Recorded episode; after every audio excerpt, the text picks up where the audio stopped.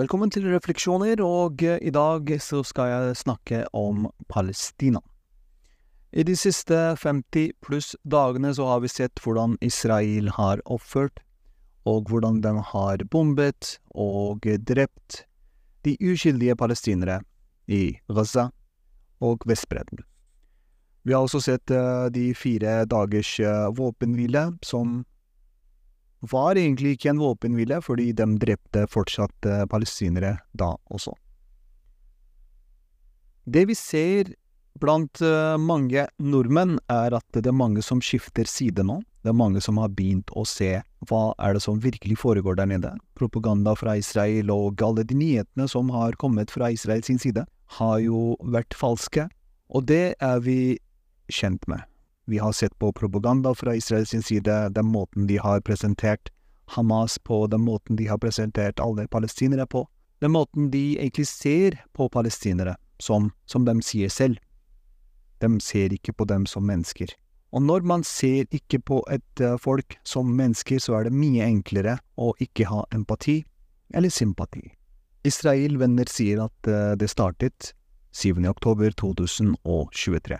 Vi mener at det startet i 1948, vi mener at det startet med Nakba, og vi mener at Israel har drept uskyldige palestinere i 75 år.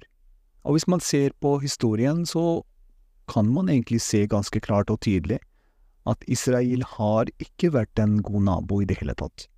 De har sagt at de er Guds utvalgte, og med det så har de lov til å være der de er. Og hvis du ser på mange nordmenn som uh, støtter Israel, egentlig det er ikke mer enn de som støtter Palestina, men de som støtter Israel, hvis du snakker med dem om selve saken, så de bringer opp alltid 7. oktober. Som om de har ikke lest de sidene før akkurat den hendelsen, i den boka som snakker om akkurat det der.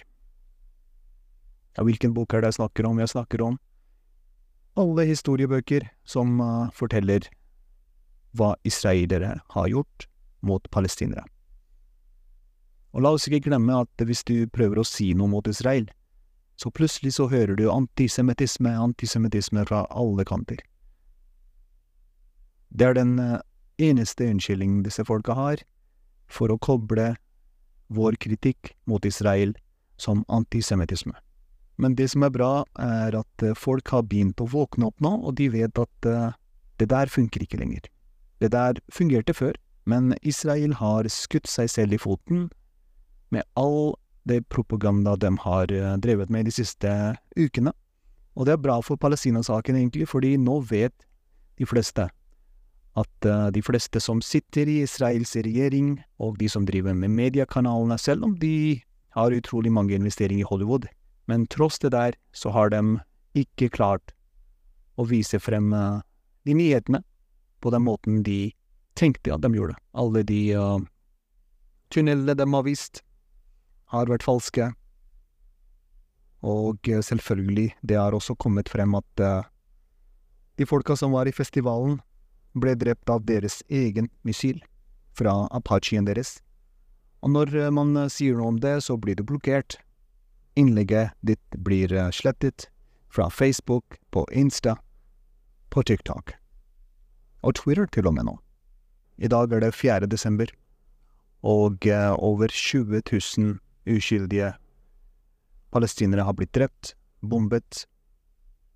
Utrolig mange av dem har vært barn, kvinner, eldre, uføre, leger, journalister, kan du, kan du forestille deg om, om dette ikke hadde vært palestinere, men israelere?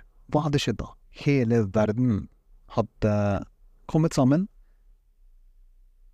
og så de hadde prøvd å redde disse stakkar israelere. Og så selvfølgelig hadde de brukt det, det ordet som de elsker å bruke. Holocaust. Holocaust nummer to. Det er det de sa om 7. oktober også. Og hvis du ser på hva som skjedde 7. oktober, så ser du også at dommen deres var slått av, alt den sikkerheten var slått av, som ikke lar til og med en katt gå fra Gaza til uh, det de kaller Israel. Alt var slått av. Plutselig, alle de militærfolka var ikke der. False flag heter det, på godt norsk. Ja, på godt engelsk også. Men det vi egentlig må huske når vi tar opp Palestina-saken, er at denne saken har kun én side, og det er palestinere som bør få landet sitt tilbake. Det er mange som sier at eh, det finnes en tostatsløsning, og det er en løsning, men når jeg snakker med palestinere, ikke en eneste palestiner har sagt at de vil gå med på det. Så dette her er bare tull. Tostatsløsning kommer aldri til å fungere, og mange israelske journalister, mange israelske ambassadører rundt omkring, den britiske israelske ambassadør som var eh, i England, hun sa det samme. Hun sa at hun tror ikke på tostatsløsning, hun kan ikke ha palestinere som uh, naboer. Eller du kan ikke ha noen naboer hvis dere kommer til å bombe dem ut av uh, verden uansett.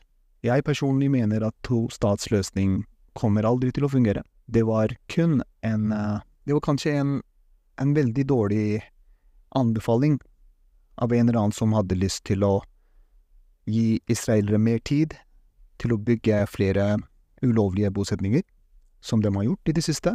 Og nå som de har bombet Gaza, for å gjøre den enda mer flatere, så har de egentlig mer plass. Men jeg håper, jeg håper at 2024 starter med at israelere har det utrolig tøft for å klare å vise at noen kan stole på dem lenger. Fordi de har mistet utrolig mye støtte, og alle som kommer til å støtte dem, blir jo boikotta. I Marokko så har Starbucks uh, de har gått konkurs. Mange McDonald's i Midtøsten har uh, gått konkurs, selv om de har begynt å bidra med flere millioner av sin egen valuta til uh, Palestina-saken, men folk vil ikke med på det, vet du. Så dette her er utrolig seriøst, og jeg kommer til å snakke med noen palestinere i denne episoden, så får vi se hva dem har å si.